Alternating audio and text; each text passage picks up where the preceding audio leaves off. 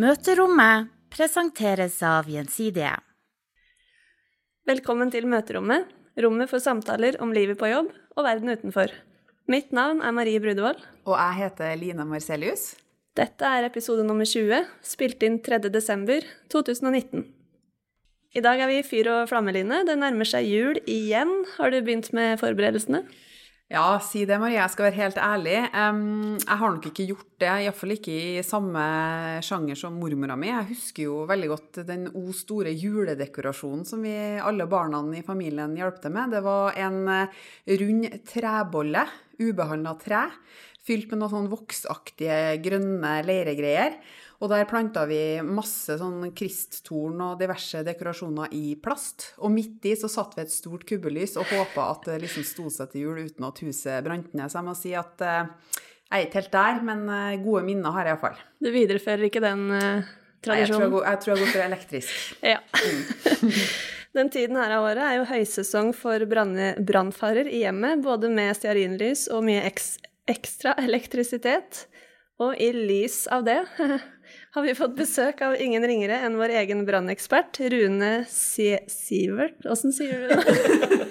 Sivert? Jeg sier Siverts Nilsen. Siverts Nilsen. Hjertelig velkommen til møterommet. Tusen takk. Så aller først, Rune, eh, vi har noen faste spørsmål. Vi spør alle gjestene i møterommet. Okay. Eh, du er jo ikke forberedt på dem, men du får bare ta det som, eh, som en mann. Vi tar det. Ja, Aller først. Hva var det første du tenkte på da du så deg sjøl i speilet i dag morges? Oi. Jeg tenkte vel egentlig at jeg så ille trøtt ut. Du gjorde det? Ja. Men du har våkna nå? Nå har jeg våkna. Ja, det er bra. Hvis du kunne få nøyaktig hvilken jobb du ville, hva skulle det vært? Ja, det er enkelt, for det er den jeg har. Det er så, så politisk er korrekt. Ja, men det er helt riktig òg. Ja, jeg har jo verdens mest interessante jobb. Og den skal vi jo snakke mer om. Det gleder vi oss til. Eh, og hvis du kunne få møtt hvem som helst, død eller levende, hvem ville du ha møtt da? Du, Det diskuterte vi faktisk forrige dag, så det har jeg også et svar på. Det? det må være Nelson Mandela. Riktig. Han ville vært utrolig interessant å satt seg ned sammen og snakka med. Ja. En mann etter tilgivelsens kunst. Så ja. jeg tenker at han ville vært interessant å snakke med. Det, det, er godt å ta med seg. Godt valg. Ja. uh, ja, du er brannekspert, og du har en veldig spennende jobb. Kan du ikke fortelle litt mer om deg selv? Hvem, hvem er du? Hva slags bakgrunn har du? Jo, jeg kan det. Jeg er eh, blitt 55 år etter hvert. Og jeg jeg er gift og har noen barn som er voksne og flytta ut. Så jeg har en utdannelse fra politiet. Jeg jobba nesten 20 år i politiet før jeg slutta og begynte i forsikring. Så var jeg innom et annet forsikringsselskap først, før jeg havna gjensidige for seks år siden eller sånt nå. Eh, og har egentlig utdannet meg som kriminaltekniker eh, de siste åra, egentlig. For det er en kontinuerlig utdannelse i praksis. Så bakgrunnen er politi, allmenn politiutdannelse og så spesialisering innenfor kriminalteknikk. Da. Jeg må bare spørre, fordi politi virker kanskje litt mer spennende for mann og kvinnen i gata. Hvordan er det å gå fra å være, eller jobbe med politiet til å jobbe med forsikring? Ja, Innenfor kriminalteknikk så er det egentlig nesten det samme. Det spiller nesten ikke noen rolle. Den store forskjellen er i grunnen at uh, det er noen sakskomplekser du ikke rører i forsikring som du rørte i politiet. Altså så alvorlige saker som drap og ran og voldtekt og sånne ting. Men bortsett fra så kriminaltekniske spor er jo det samme enten du er i politiet eller om du er i forsikring. Og vi jobber jo ut ifra de samme prinsippene. Så sånn sett er det ikke så store forskjellen, egentlig. Så forsikring er egentlig like kult som politiet? Absolutt like kult. I hvert fall innenfor kriminalteknikk så er det det. ja. Resten skal jeg ikke snakke om. Eh, hvordan ser en typisk arbeidshverdag ut for deg, hvis du har noen typiske dager, da? Ja, det er jo kanskje det som er det mest spennende med jobben, at det er ikke noe som heter typisk hverdag egentlig for oss. Eh, vi har eh, altså vi tre teknikere, da, vi er tre kriminalteknikere gjensidige. Og vi dekker jo gjensidig sitt nedslagsfelt for kriminaltekniske undersøkelser. Dvs. Si at vi reiser veldig mye. Vi reiser i alle de nordiske landene og for så vidt der hvor vi har forsikra objekter som er skada. Ehm, så for meg handler det veldig mye om å være ute på åsteder. Være ute på de stedene hvor ting har gått i stykker, brent eller gått, falt sammen, eller hva som skjer med det. Undersøke det, og så er det da en del skrivearbeid i etterkant av sånne saker, da. Du gjør jo mye forskjellig. Akkurat i episoden her så er det naturlig at vi kommer inn på temaet brann. Mm. Eh, jul og høytid og brann har jo mm. dessverre en sammenheng. Men hvis du kan trekke fram noe av det mest spennende du gjør i jobben din, eller la meg si det på en annen måte, hva er det du brenner for? Nei, noe av det mest spennende jeg gjør i jobben, er å lære nye ting, tenker jeg. Fordi at vi får alltid, eller veldig ofte, så får vi jo nye problemstillinger innenfor nye næringer eller nye settinger, eller det dukker opp nye produkter, eller eh, ja, Så det er, jo kunnskapen eh, som du må tilegne som er det spennende. Og det være seg om det er på stor skala i forhold til industri, tungindustri f.eks., som har skader, eller om det er eh, å forstå hvordan en, en PC eller en Mac fungerer eller batterier, hvor de befinner seg i klokker, i alt mulig annet rart, så handler det veldig mye om tilegning av ny kunnskap, og det syns jeg kanskje er noe av det mest utfordrende og spennende ved jobben. Og så har du sikkert lært veldig mye om ulike årsaker til brann eh, med tida, vil jeg tro. Um, og når det gjelder det å eh, fokusere på brannsikkerhet i hjemmet, eh, hva mener du er de områdene, eller det området vi er mest bevisstløse rundt når det gjelder eh, brannsikkerhet. En klassiker som det snakkes mye om, er jo lading av telefonen mm. om natta. Ja. Eller sånn sprukken ledning som jeg har i skuffa hjem. Mm. Er det noe du vil trekke fram der? Nei, du er jo litt i kjerneområdet. Jeg tror du er det, faktisk. Jeg. Jeg, ja, jeg, tror, jeg tror det handler mer om hva skal jeg si, mangel på forståelse for risiko, da. Eh, man kan jo beregne risiko, skal ikke gjøre det så teknisk som det, men men der hvor konsekvensen kan bli stor, så er jeg villig til å ta lavere risiko sånn i min hverdag, da. Og da tenker jeg at hvis det store forskjellen er om jeg vil lade telefonen min en time før jeg legger meg, eller om jeg lader den hele natta mens jeg ligger der, så er jo den store forskjellen at den tiden jeg er våken, så kan jeg reagere når den sprukne ledningen faktisk medfører en varmgang, da, som kan bli en brann. Mens når du legger deg og sover og har den på nattbordet, så har du den altså 30 cm fra hodet ditt. Du er i en veldig sårbar situasjon fordi at du sover. Og så vet vi jo at det som først skjer når du inhalerer eh, karbonmonoksid, eller altså branngasser, det er jo at eh, logiske sansen din forsvinner. Sånn at du på en måte har på en måte lagt alle de verste mulighetene tett innpå deg. Og da blir det potensielle skadene så stor, eller faren så stor, at da sier jeg hjemme hos meg så er det ingen som lader om natta. Fordi at det på en måte er for risikabelt. Så kan alle si til meg at ja, men det brenner ikke så ofte, og det er ikke så mange sånne branner. Nei, men det er mulig at vi ikke har så veldig høye tall på det. Jeg tror det er grunnen til det er for at veldig mange av de blir ikke meldt noe sted, fordi at de fleste blir oppdaga. Men den risikoen er ikke jeg villig til å ta, for den er så lett å fjerne. Det er vanskeligere å fjerne en del andre risikoer. ikke sant? Er oppvaskmaskinen din god eller dårlig, eller har du en skjult feil? Det er mye vanskeligere å få fjerna. Men de enkle tinga kan man jo begynne med, da. Sånn som det du nevnte innledningsvis her, i forhold til juledekorasjoner og levende lys, da. Som er enkelt å gjøre noe med. Men sånn, Vi snakker litt til om den laderen, for jeg har jo lest mange saker hvor det har vært snakk om uoriginale Apple-ladere. Mm. At det er de som tar fyr. Hva med originale Apple-ladere? Er de like, eller iPhone-ladere? Er de like brannfarlige, eventuelt ikke, som altså, Da begynner man å snakke tall, og det er liksom veldig vanskelig ikke sant, å få noen gode tall. da. Eh, så for meg handler det mye mer om at man er på vakt for de elektriske komponentene man bruker. da, Være som det originalt eller uoriginalt. Så tror jeg nok at uoriginalt er en grunn til at en original det koster 500 kroner og en uoriginal koster 15 på eBay. Ja, det, er, det, det, må være en grunn til at de klarer å produsere den til 15 kroner og sende den fra USA eller Kina. Så kanskje er metallet tynnere, kanskje er motstandskontroll dårligere. altså Uh, uten at jeg kan bevise for hvert produkt, så vil det være en logisk grunn til Så Jeg skal ikke si at Apple ikke tar seg godt betalt, men det gjør sikkert andre produsenter òg. Men jeg tror det handler noe om, om ja, produksjonssikkerhet, om kvalitet, om mengde metall og en del sånne ting. Så jeg ville vel kanskje vært forsiktig og brukt sånn, i hvert fall når jeg sover, da. Ja. Jeg kan ikke gi noe entydig svar. Nei. Nei. Konklusjonen er at vi ikke skal lade om natta. Det er det viktigste. Det er en del ting de ikke skal gjøre om natta. Det er eh, lading. Du bør ikke vaske vaskemaskinen eller oppvaskmaskinen om natta heller. Eh, så det er flere ting du bør holde deg unna om natta. Men uh, hvordan ser det ut i ditt hjem, du som vet hvor gærent det kan gå, du som oppsøker disse åstedene? Er det Farlig spørsmål. Nei, du, hjemme hos meg så ser det vel litt ut som hos alle andre, vil jeg tro, men vi har noen regler, da. Vi er at vi setter ikke på oppvaskmaskin og vaskemaskin etter vi har lagt oss. Eh, vi lader ikke om natta. Eh, når vi lader, så prøver vi å lade på steder hvor det på en måte er tryggere å lade. Så vi har lagd noen steder hvor vi har lov til å legge telefoner for lading. Eh, vi prøver å ikke lade, eller vi lader definitivt ikke med liggende iPaden liggende i sofaen eller i dyna eller ja, sånne ting. Ja, vi gjør det. Her kjenner noen som kjenner seg en ser. Så, så, det ser ikke så annerledes ut hos meg, men vi har tatt en del forhåndsregler i forhold til eh, sånne problemstillinger. Da. Jeg kan godt sette på eh, Hvis jeg må, så setter jeg kanskje på vaskemaskinen når jeg går ut. Men da er det tross alt bare huset som på en måte er risikoen. da. Jeg liker ikke det, eller jeg må innrømme det. Men det er klart noen ganger så kommer man i noe tidsnød både med jobbreiser og private ting, så du må få ting gjort. Men om natta er det et absolutt nei. Da gjør jeg det bare ikke. Eller vi gjør det ikke. da. Går dere fra f.eks. en iPad til lading? Ikke hvis jeg går ut av huset, nei. Nei. Det gjør jeg ikke. Nei. Det har skjedd hos meg, men det, det var, det var hendig uhell.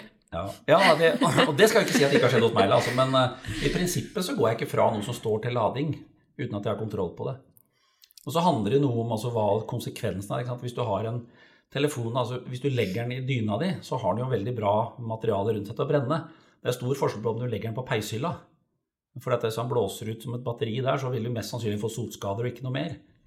Eh, du må ikke nødvendigvis legge den der hvor alle avisene ligger som ikke har kommet i gjenvinningsboksen ennå. Så det er, en, det er, en, konsekvens av den, den, hendelsen som eventuelt oppstår, som går an å begrense. da. Men hvorfor, hvorfor tror du folk eh, gjør det?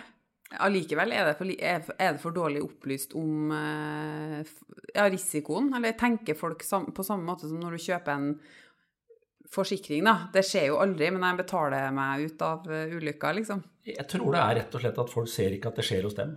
Altså, det skjer ikke hos meg. Det det du ser det i avisen og sånn, men så tenker man ikke at det skjer der og da. Og det er jo ikke fordi at folk ikke vil. Jeg tror bare at man er litt uomtenksom på det, og så er det helt sikkert noen som da motstrider ikke sant, at det skjer.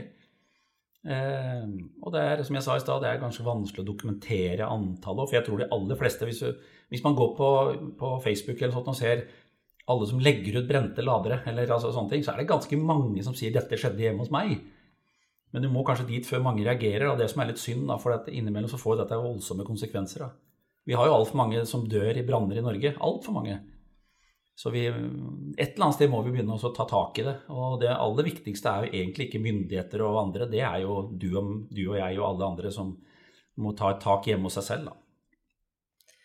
Forsikringssvindel er jo dessverre en del av hverdagen til mange av oss som jobber i bransjen. Jeg vet ikke hvor utbredt det er at folk enten brenner ned eh, bygg med vilje eller pynter på sannheten for å få mer igjen av det de har krav på, men er det vanskelig å finne ut av når du kommer inn et åsted? Kan du se at hvis noen sier at du begynte å brenne i en lader, da, og så mm. kan du se at den egentlig ikke starta der, den starta et helt annet sted, sånn at Ja, det jeg kan og kan. Det er det vi prøver på, i hvert fall. Ja. Er det, er det lett å se? Ja, Det er jo et veldig vanskelig spørsmål, om det er lett eller ikke. Nå gjør du det vanskelig. Ehm, det går an å finne brannårsaken i ganske mange av tilfellene som vi undersøker. Ja, det gjør det. Ehm, vi prøver jo på en måte å nyansere svarene vi gir fra oss vi da, som teknikere, alt ettersom hvor sikre vi er. Ehm, det er klart Jo sikrere vi er, jo hardere kan vi konkludere. Men det går an, definitivt an å finne ut om en brann er påsatt. Og det går an å finne ut om det er en teknisk årsak. Og det går an å finne ut om eh, eh, hvem som har forårsaka den brannen som eventuelt er der. Enten ved et uhell eller ved bevisst handling. Da. Ikke alltid, men eh, stadig vekk. Er det noen gang du, dere blir overraska, da? At det Svar på det? Mm. Nei. Aldri? Tror jeg ikke. Nei. Vi har sett så mye rart, så det er uh, ingen Nei, jeg vet ikke hva det skulle være. Men har du noe sånn ett eller noen, da, uh, case, uh, historier fra en kriminalteknikers hverdag i en side som du vil trekke frem som litt sånn wow? Og Det er et vanskelig spørsmål, for det er jo så mange. Men, men, vi har jo noen sånn som skiller seg ut. Da. Vi hadde en sak for noen år siden hvor eh, bakgrunnen tror jeg faktisk var en skilsmisse. I hvert fall var det et hus som skulle selges. Og der er det en eh, nabokone, tror jeg det var, i hvert fall en nabo, som har et, et litt sånn nysgjerrig blikk på verden eh, som står og følger med litt. Og en kveld da, så kommer den ene av det paret som da skal skille seg, til det tomme huset som nå er i ferd med å tømmes helt og skal selges. Eh, og så drar denne personen fra stedet igjen, hvorpå nabo, naboen titter ut igjen for å se når drar dette mennesket, og så syns hun det lyser så rart inne i huset. Eh, så tenker hun at det var rart å gå fra huset med lys når det skal liksom så syns hun det flakker i det, det, lyset, hun syns det er litt sånn bevegelig, så hun begynner å lure veldig og syns det blir mer og mer lys, og da skjønner hun at her er noe gærent. Så da ringer hun brannvesenet og politiet, selvfølgelig, og de kommer til stedet. Og da brenner det villig vekk i førsteetasjen. Eh, og brannvesenet får slokka, og politiet kommer til stedet og alt sånn, og alt begynner å roe seg. Og så tar jo ofte brannvesenet en sånn liten sånn etterpåsving da, for å sjekke at alt er i orden. Så kommer de ned i kjelleren, og der er det tre branner til hvor det er tre arrangementer som står og brenner. Og så skal jeg ikke røpe her hvordan det var gjort, for det var egentlig ganske godt gjort. Men eh, de hadde ikke rekket å tatt fyren da, siden i noe annet. Eh, så da var det jo på en måte relativt raskt å forstå at dette er ikke noen tilfeldig brann. Eh, men relativt overraskende at det faktisk kan komme levende på en sånn live pågående ildspåsettelse. Det er ikke så ofte vi gjør det. Det er ofte i nattens mulm og mørke. Det ja, ofte så kommer brannvesenet litt senere inn, da. Ja. Så den der nabopersonen den gjorde et godt stykke arbeid i å forebygge at det brant ned det huset. Da.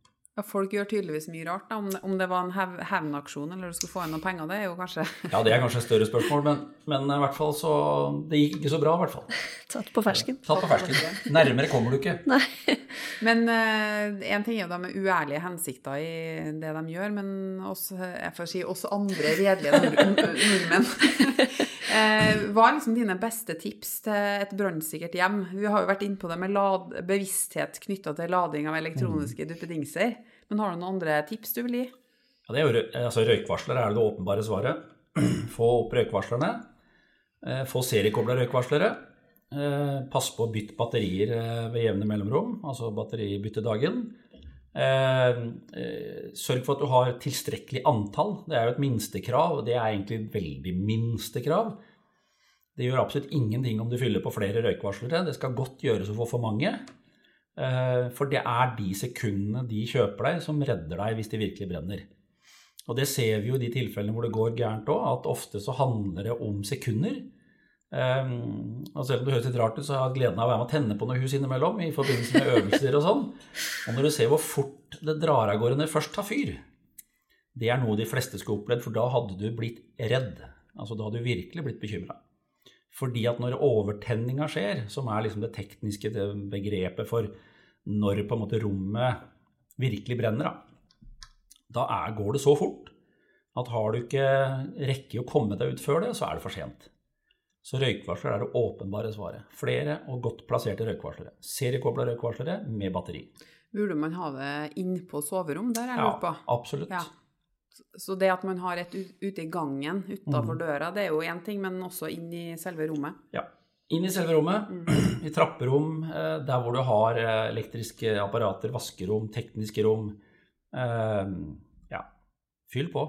Skal du ut og kjøpe noen nye da, Marie? Ja, nye røykvarslere og seriekobling viktig med seriekobling, for det er det som gir deg sekundene. Eh, at hvis du brenner i kjelleren, så må du få det med deg før du ligger der og sover og røyken trenger inn i rommet ditt. Ikke sant. Mm. Ja, men det Veldig politisk riktig svar, men det er faktisk det enkleste og det virkelig beste å gjøre.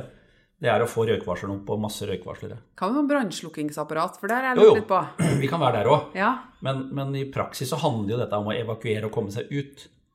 Uh, og En annen regel vi har hjemme hos oss når du spurte om det, så er jo det også hvem er det som er hjemme? Det er vi ganske nøye mot oss. Nå er ferd med, Sistemann hos meg er i ferd med å flytte ut. Men før det så har det alltid vært en sånn regel må gjerne ha med venner hjem. Men da skal jeg vekkes, og så skal jeg vite hvor mange som er i huset når de kommer hjem. Sånn at ikke jeg svarer brannvesenet når jeg kommer ut av et brennende hus og sier at det er bare meg og kona hjemme, og så er det ingen som gjør noen redningsinnsats for de andre som ligger der inne. For det kan også stå om sekunder. Så jeg har alltid sagt vekk meg, fortell meg hvor mange det er, og så kan dere legge dere og sove. Alt ifra, to til 100, da? Alt ifra to til 100. Jeg vil mye heller ha 50. Skal inn der og vite om dem, eller ha dem ukjent der inne. Altså. Så det handler om det. Da må, det, det, men det er nyttige ting å tenke på, for jeg tror ikke flesteparten tenker vel ikke på det i hverdagen. Nei, det er vel kanskje spesielt for deg som jobber med det, da, som er ekstra bevisst og Ja, men hvis du spør en brannmann hva er det verste han kan oppleve, så tror jeg en brannmann vil si at det verste han vil oppleve, er å stå ute der og drive etterslukking. Og så tro at alle er ute, og så finner man etterpå at noen kunne vært redda fordi de ligger og puster under senga på baksiden, ikke sant. Og så er det ingen som prøver å ta seg inn fordi de har fått beskjed om at alle er ute. Eh, så det er det. Og det siste man skal si, da, det er jo at man må faktisk gjennomføre brannøvelser hjemme òg. Det høres nesten ekstremt ut, men det å vite hvor man skal ta seg ut, det å vite hvor man kan ta seg ut, og vite at man kommer ut av de vinduene som man har mulighet til å rømme ut fra. Passe på hvis man bor høyt oppe at man har brannstiger eller branntau og sånne ting. Det er faktisk aldeles alvorlig å gjøre, altså. Og det er, eh, man kan le av det, og mange sier at det er litt håpløst å drive sånn. Men vi som driver i ekstremverden, altså som det er politiet eller det vi driver med nå, så vet vi at det å øve på ting på forhånd, det er alfa og omega for å klare å gjennomføre når det virkelig går varmt for seg. Um, og det gjorde vi jo politiet. ikke sant? Vi trener på situasjoner etter situasjoner. etter situasjoner, og man, På en jobb så trener man jo på å evakuere. Folk ler av det, og det forstyrrer dem. ikke sant? Og har jeg glemt jakka mi skrudd jeg av PC-en og alt sånn? Men den dagen det brenner, og du vet at alle går den veien de skal gå, så skal du være rimelig glad for at du har gjennomført de brannøvelsene du har der. Så gjør det samme hjemme. Pass på at det går an å komme seg ut. Pass på at vinduene er store nok. Bestem dere for et sted å møtes. Kan være dere ikke rekker å se hvor folk er, så avtal et møtepunkt. Og det skal dere alltid vite. Har dere gjester i huset, så skal de få beskjed om det samme. Jeg er litt streng på sånt. Nå fikk vi litt å tenke på. Jeg har faktisk hatt jeg eh, Har dere aldri gjennomført brannøvelser hjemme også? Uh, jeg har hatt, men nå er jo jeg bare meg, da. Ja, ikke sant? yes. Vi er jo flere, men uh, det slår meg jo at uh, iallfall en del av huset har noe Det er ganske høyt ned, da. Ja. Så jeg skal Der burde du ha en brannstige eller branntau eller en eller annen redningsmåte, da. Skal ta en alvorsprat. Ja, pass på at det går an å komme seg ut. Ja, det er jo kanskje det mest uh, kritiske mm. når det først skjer, da. Så til brannslukningsapparater, som du spurte. Ja. Det, er, det, er, lov å ha brannslukningsapparater. Det er veldig bra, for veldig mange branner kan jo stoppes i et tidlig stadium. Sånn at brannslukningsapparater, pulverapper eller uh, branntepper og sånne ting uh, Vit hvor du har den. gjerne prøv det. det er faktisk blitt sånn, så vidt jeg klarte klart å finne ut, at pulverapparater de klarer du ikke å få kontrollert lenger. Altså du kan kontrollere, men når den går ut på dato, så er det ingen som driver trykktesting av dem lenger. Det syns jeg er veldig rart. Burde ikke det vært en gjenvinningstanke? Nå må du bytte dem ut. Eh, og hvis du da likevel bytter ut, så kan du jo gå sammen med naboen og så lage en liten brann i en eh, platting ute eller et eller annet ute på en felles plass, og så ha, prøve de pulverapparatene du har. da. Brannøvelse i gata? Brannøvelse i gata. Ja, Hvorfor ikke? Hvis du likevel har pulverapparater ja. som du må levere fordi de har gått ut på dato. Det blir årets juletrefest. Det blir det. det er skikkelig juletrefest, altså. Da fikk hun oss mye nyttig. Jeg tror mange fikk iallfall litt å tenke på. ja. Men vi må snakke litt om reiseregningene dine, Rune. Nå skal vi det, altså? Ja. Det er HR og Betta oss om å gjøre det. ja. Det var ikke sjefen min, altså. Nei, det er på eget inch. Nei, jeg husker du fortalte en historie hvor du hadde kjøpt fryktelig mange hårfønere. Ja, jeg gjorde det. Hadde man folk sett meg nå, hadde jeg skjønt at det er en god vits. At jeg skal ha hårfønere. Ja, for det er ikke det lengste håret, altså. Nei, jeg har ikke det. Det er lengre på haka enn det er på toppen, og det er kort skjegg. Ja. Um, nei, og vi hadde en sak hvor det var noen fønere og noe snakk om noen fønere som hadde starta en brann, og da skulle vi gjøre noen forsøk. Så da gikk jeg inn på Coop og så kjøpte jeg ti hårfønere, identiske hårfønere, og gikk i kassa. Og det blikket jeg fikk av hun dama i kassa da Hun hadde veldig lyst til å si noe. Hun turte ikke, men hun virkelig satt der og klødde etter å komme med en spøk. Eh, neste gang jeg skulle kjøpe ti nye fønere, så gikk jeg i automatkassa. Da, så jeg kjøpte uten at noen så meg. Men eh, ja, de trodde kanskje jeg hadde en fetisj for uh, hårfønere eller noe. Men var jo, du var jo i gjensides tjeneste. jeg var i gjensidiges tjeneste. Så vi hender vi kjøper noe rart, for vi gjør en del forsøk. da. En del av brannetterforskning er jo å gå ut på etterprøve hypoteser. Sånn at hvis vi har en hypotese om hvordan noe har begynt å brenne, så må vi stort sett prøve å gjenskape det, sånn at vi ser at det er en reell eh, sak. da. Eh, og ikke, det går ikke alltid an å klare å gjenskape det, men noen ganger så prøver vi det. Og det var det vi skulle prøve i det tilfellet der, da. Vi hadde en brann nå i en bil eh, som vi trodde var veldig lett å finne ut av. Det var brent under setet på en bil. Eh, og vi bestilte produsenten og undersøkte den samme produsenten og var helt sikre på at det var et relé under der som hadde begynt å brenne, for det har vi hatt før i den bilen. Så vi var egentlig litt sånn eh, litt bakpå og tenkte at dette fikser vi. Men når vi begynner å skru ut det setet, så er jo relé helt. Eh, så vi har ikke noen god forklaring. Det eneste vi vet, er at under der lå det en sånn pose som du driver med sånn fuktfjerning. Har du sett sånne poser som du får i joggeskoesken ja. din? ikke sant? Du får kjøpt store sånne. Ta i campingvogner og båter og sånn. Den lå der. Sammen med en tom flaske cola, tom flaske sånn eh, ja, boblevann, skulle jeg til, altså vann med smak. Så er jo spørsmålet kan de kjemikalene der sammen med syre fra cola eller kullsyre starte en brann. Det har vi ikke klart å gjenskape. Men det er så langt den eneste hypotesen som er igjen. Men hvordan du skal få det til? Nei, si det. Det har jeg ikke klart å finne ut. Veldig spennende. Jeg blir nesten rekruttert her. Jeg får, får lyst til å bli sånn etterforsker. Ja, er det mulig å få en sånn dag på ja, ja. taktisk eh, etterforskning? Teknisk, ja, teknisk etterforskning. Taktisk kan du få sikkert hver dag, men teknisk kan du få lov å være med, vet du. Men det, det, er kanskje et tilbud vi burde dele på, eh, nett, i nettverket vårt på Jammer. Da. At uh, det, det, er mulig å ha sånn åpen dag, åpen dag på et åsted. Kanskje det. Vi får tror iallfall mange vil bli Snakke litt med sjefen min, så får ja, vi se om ikke vi får til det. Ja, men det, det får vi følge opp. Ja. Men så er vi jo i desember, mm -hmm. um, og det er jo elektriske Ikke minn meg på det, for jeg er ikke klar ennå. har du vaska gulvet? jeg har ikke kjøpt noen ting ennå, jeg. Men, eh, men, det er jo både elektriske lys, eh, mm. som jeg nevnte innledningsvis. Noen pynter jo treboller med levende lys og plastornamenter eh, osv. Um, er det mer branner rundt jul enn ellers i året? Det var kanskje et dumt spørsmål. Ja, men det er det. Ja. Det er faktisk det. Det er ikke et dumt spørsmål, men det er helt riktig at det er flere branner. Og det er sikkert en hel haug av grunner til det. Eh, så det viktigste er grunn at folk er oppmerksom på det. da. Eh, fordi at dette er jo mest av dette her kan man sikkert forebygge. Eh, og det er den enkleste måten å hindre en brann på, og minst skader ut av en brann. Det er å forebygge en sånn ikke skjer. Så folk må være litt på vakt i desember. Altså. For vi, vi, har en helt annet levesett i desember enn vi har resten av året. Og det tror jeg er det som gir utslag i antall branner. Det å gå fra sånn eh, adventsstaker da, med lyset på Jeg ser jo naboen. Jeg mm. nevner ikke hvilken nabo, fordi noen, noen kan jo vite hvor jeg bor. Jeg eh, kjører jo sånn her julestjerne døgnet rundt. Det gjør jo mm. ikke jeg, for det lærte jeg jo hjemmefra. Du mm. aldri skulle gå fra sånne jule... Altså uavhengig av om de var i papir eller messing, da. For det var et elektrisk eh... Altså, det, det, det, nå er man inne i litt sånn farlig lende, da. For det jeg skal si nå, kan jo misforstås. Eh, og det er at hvis du hadde bytta til LED-lyspærer inni der, Aha. så er det veldig mye mer, mindre energi og mindre varme i LED-lys. Og ergo er det mindre farlig med LED-lys da enn andre lys. For dette er jo mye mye mindre forbruk av strøm og mye mindre varmgang på et LED-pære enn på en vanlig, gammel lyspære. da.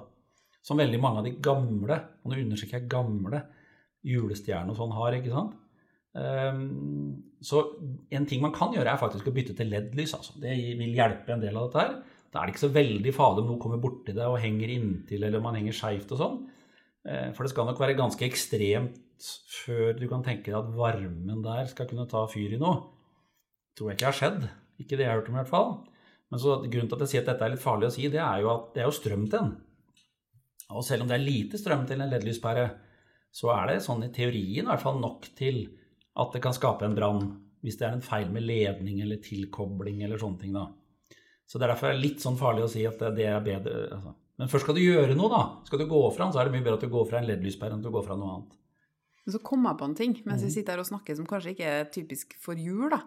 Men eh, hvis du har sånn hjemmenettverk eller du har eh, ja, TV, mm. og, så, og så setter den i sånn der strømsparmodus i stedet mm. for å slå det helt av, har du mm. noen formening om brannrisiko versus altså, Bør du egentlig dra ut alt av stikkontakter? Det er jo sånn som mormora mi holdt på med. Altså, altså er jo, det, dette er jo blitt mye mye vanskeligere enn det var før. For det, Før så var det jo to, tre, fire elektriske apparater i huset til folk, og det var det som var. Og Det var liksom kjøleskap og komfyr, og det var ikke så mye annet å gå på. Nå står det jo sånt i overalt. Eh, og noen TV-er er jo helt umulig å ha ikke noen sånn master switch lenger hvor du kan skru av all strømmen. Så veldig mye av det står jo med spenning på da. Eh, så svaret på det er at nei, du må ikke gå og dra ut alt. Altså. Det er, for det er helt umulig å få til. Eh, men det er jo ikke noen tvil om at det er potensial i det til å skape en brann hvis det er en feil. Og det er noe av grunnen til at vi følger opp ganske tett da, hvis vi har produkter som svikter. Eh, så følger vi jo de produktene med undersøkelser ganske tett for å finne ut om det er et farlig produkt.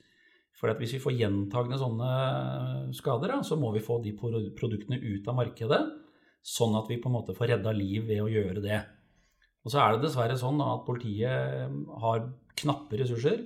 Og en del av de brannene blir ofte små, fordi at folk oppdager jo sant, at radioen brenner eller, eller et eller annet sånt. Og da drukner nok det i politiets prioriteringer. Så Derfor så har vi også en kjempeviktig sånn samfunnsrolle i det å fjerne farlige produkter. Da. Så det du kan ta ut, som i hvert fall har høy spenning, vil jeg ta ut type vannkoker og kaffetrakter. Og det gjør i hvert fall hjemme hos oss, så det kommer vi til å fortsette med. Mm. Men det er klart, eh, jeg har ikke sett og tror ikke, eller jeg vet at det ikke finnes noen sånn hovedbryter på TV-en min. Å ta den ut hver gang, det ville vært helt umulig. Sånn at, eh, Bruk ti ja. minutter på å liksom restarte hele Ja, ikke sant? Nei, vet du, det, vi, kan ikke være det. Nei, vi kan ikke gjøre det. Og det er nesten større risiko, for da drar du jo ut og inn hos stikkontakten hele tiden. Eh, som, Slit, ja. som, som, du sliter jo på ledningen. Og hvis folk da ikke tar i stikkontakt, men tar i ledningen, som veldig mange gjør, så kanskje du skaper en større risiko enn du på en måte fjerner. Da. Ja, men da Åh, det var godt å høre. ja. Da kan du slappe av med det. Du slappe av litt med det. Men hold, hold, hold på kaffetrakteren Jeg skal gjøre det. Jeg lover. Men du nevnte politiet, og i lys av jobben din så forholder jo du deg til også mange åsteder, som politiet gjør òg. Hvordan er egentlig samspillet mellom politi og forsikring? Hvem er det som rykker inn først, og når er det du kommer inn? Ja, det Svaret er egentlig veldig enkelt. Det er politiet som skal etterforske alle branner i Norge. Det har Riksadvokaten sagt en gang på 70-tallet, at alle branner skal etterforskes. Og så vet vi jo da at Skal vi ikke ta diskusjon om politireformen her, altså. Men uh, vi skal si at det er i hvert fall nok å gjøre for politiet. Og prioritering til politiet kan man sikkert diskutere både den ene og andre veien, men det er i hvert fall sånn at en hel del åsteder blir ikke undersøkt. Da passer vi på å få tak i de åstedene før noen andre rører dem. Så er det jo sånn at Vi har jo en samarbeid med kunden nå. Vi må ikke huske, glemme det. ikke sant? At Kunden eier jo for så vidt huset sitt. Sånn at vi har en dialog med kunden, og så skal vi sikkert ta en annen diskusjon i et annet fora liksom, hvordan den skal tolkes, de lovene og reglene rundt det. Men vi, det er stort sett alltid et godt samarbeid. Det er det også med politiet i de aller, aller fleste tilfeller. For hvis politiet er der, så får vi ofte lov til å overta det umiddelbart etter at politiet er ferdig. Eh, det er politiet sitt ansvar, det er politiet sitt åsted, og det skal man ikke tulle med. Det er alltid de som skal inn først. Så vi har en grei og ryddig orden på det, og regelverket er ganske enkelt på hva vi kan og ikke kan, og hvilke dokumenter som må fylles ut og søkes om før vi får det. Så jeg vil jo si at i absolutte flertall av tilfellene så er det et veldig godt samarbeid, og vi snakker godt sammen, og vi forstår hva vi andre driver med, og har respekt for hverandres roller, da. Så det jo funker. Og så kommer du jo inn i hus som er brent ned, hvor mennesker har mista mye. Noen ganger har de mista alt, og kanskje til og med har livet gått tapt. Går jobben din inn på deg, eller hvordan forholder du deg til de vanskelige tinga i den jobben du har? Nei, altså, det er farlig å si at det ikke går inn på meg, men, men jeg har jo holdt på med dette i brorparten av livet mitt i en eller annen variant, da, så jeg har jo lært meg litt om hvordan du skal leve med det. Men det, jeg tenker jo at vi har jo en viktig rolle også i det å Eh, på en måte være til stede for folk. fordi at eh, spesielt når vi kommer, så river vi jo ned, ikke sant. Vi røsker opp, og vi feier ut og kaster ut dørene. ikke sant? Så vi, vi må jo gå frem med en sånn litt sånn nennsom hånd. Da. Og noen ganger så ønsker jo da den som eier huset, å være til stede. Og det får de jo lov til hvis de vil. Vi driver jo ikke med noe hemmelig, ikke sant? så det er jo ikke noe sånt, så de kan gjerne være det å se på. Eh, og da snakker vi ofte litt med dem på forhånd og forteller litt hva er det vi gjør, og hva er det vi kommer til å gjøre. Og hvorfor gjør vi det? Og hvis vi finner noe, så tar vi dem ofte med på å vise hva vi finner. Da. Eh, rett og slett fordi at det er jo en del av prosessen for dem òg. Jeg var på en sak nå, nå sier jeg, altså for eh, ja, et halvt år siden eller sånt nå. En eller annen gang før sommeren i hvert fall. Hvor jeg var ute på en seter som hadde brent. Og det var et gammelt ektepar som hadde brukt den seteren, hatt den i ualminnelige tider. Og samla omtrent alle de minnene de hadde på setra. Ja, Den hadde jo begynt å brenne, da, og det viser seg jo også da at det er jo da han gamlefar i huset som på så vidt har forårsaka brannen ved at han har en kontrollrutine på et gasskjøleskap som går ut på å dra frem kjøleskapet og se at det brenner. For Han syns det er så vanskelig å se gjennom sånn kontrolløye, hvis dere vet hvordan du ser sånn kontrolløye i sånn gasskjøleskap. Det synes jeg er vanskelig å se, så han drar det frem. Og det resulterte i at gasslangen da kom i kontakt med brenneren, og så begynte det å lekke gass. Og når de gikk ut, så brant jo hele dette ned. da. Og det er klart, eh, Etter den undersøkelsen så tilbrakte jeg ganske lang tid å sitte på setervollen der og snakke med de menneskene. Eh, vi drakk kaffe og satt og så på sola som gikk nedover dalen. og Det var egentlig veldig hyggelig, men jeg tror det var en viktig rolle for dem å få lov til å på en måte forklare seg uten at det betydde noe for saken. Det var et, et hendig uhell. Men, eh, men, viktig. Og vi skal jo bry oss mest, ikke sant? og det handler også om å bry seg om medmenneskene dine. For de var jo en kjempevanskelig situasjon. For å gjøre det enda verre, så var det et barnebarn som hadde oppdaga brannen, så vi hadde et barn der òg som på en måte også syntes dette var kjempeskremmende. ikke sant? Sånn at eh, det blir en viktig rolle, det. Og jeg tenker i hvert fall at den rollen må vi påta oss, fordi at vi har erfaring med det. Eh, og det er viktig at vi på en måte er til stede, da, og ikke bare raser av gårde. Den kaffekoppen får vi koste på oss, og så får vi heller reise hjem en time seinere. Jeg er jo sikker på at eh, det er ikke bare jeg Marie, men veldig mange av dem som hører på, som har fått øynene opp for et litt annet område av gjensidig enn det man kanskje trodde at det var. Veldig spennende og veldig viktig. Det er mer enn flytting av papirer og saksnummer. eh, og vi skulle gjerne snakka enda mer med deg, men vi må jo snart hjem og vaske gulvet. Ja. Så det er jo snart jul, som vi ikke kan si for ofte, syns jeg. Nei, um, så jeg lurer på helt til slutt, da. Ordet ditt, hva vil du si til det norske folk nå som høytida står for døren? Har du noen sånne kloke råd å komme med? Vi har jo vært inne på mye allerede, men jeg, altså jeg tenker det kanskje det viktigste nå med den tiden vi går inn i, det er å ha en rutine for når du forlater et rom, og når du går og legger deg om kvelden. En god regel er jo selvfølgelig å skru av alle de lysa du skal skru av. Så snur du den ekstra gang og så ser har jeg glemt et stearinlys, eller har jeg glemt en juledekorasjon, eller et eller annet. Og det gjør du både når du går fra huset, og når du skal gå og legge deg. Ta den ekstra kontrollen det er og sjekk det. Hvis du vil gjøre det og har skrudd av alle lysa, så er det ganske lett å se Om det står igjen resten av et stearinlys og brenner litt langt nede i en eller annen stake. Da. Så gjør det, så får vi forhåpentligvis en trygg og rolig julehøytid alle sammen. Og med det så kan vi vel bare si god jul og etter hvert riktig godt nyttår. Takk god jul. Takk for praten. Bare hyggelig.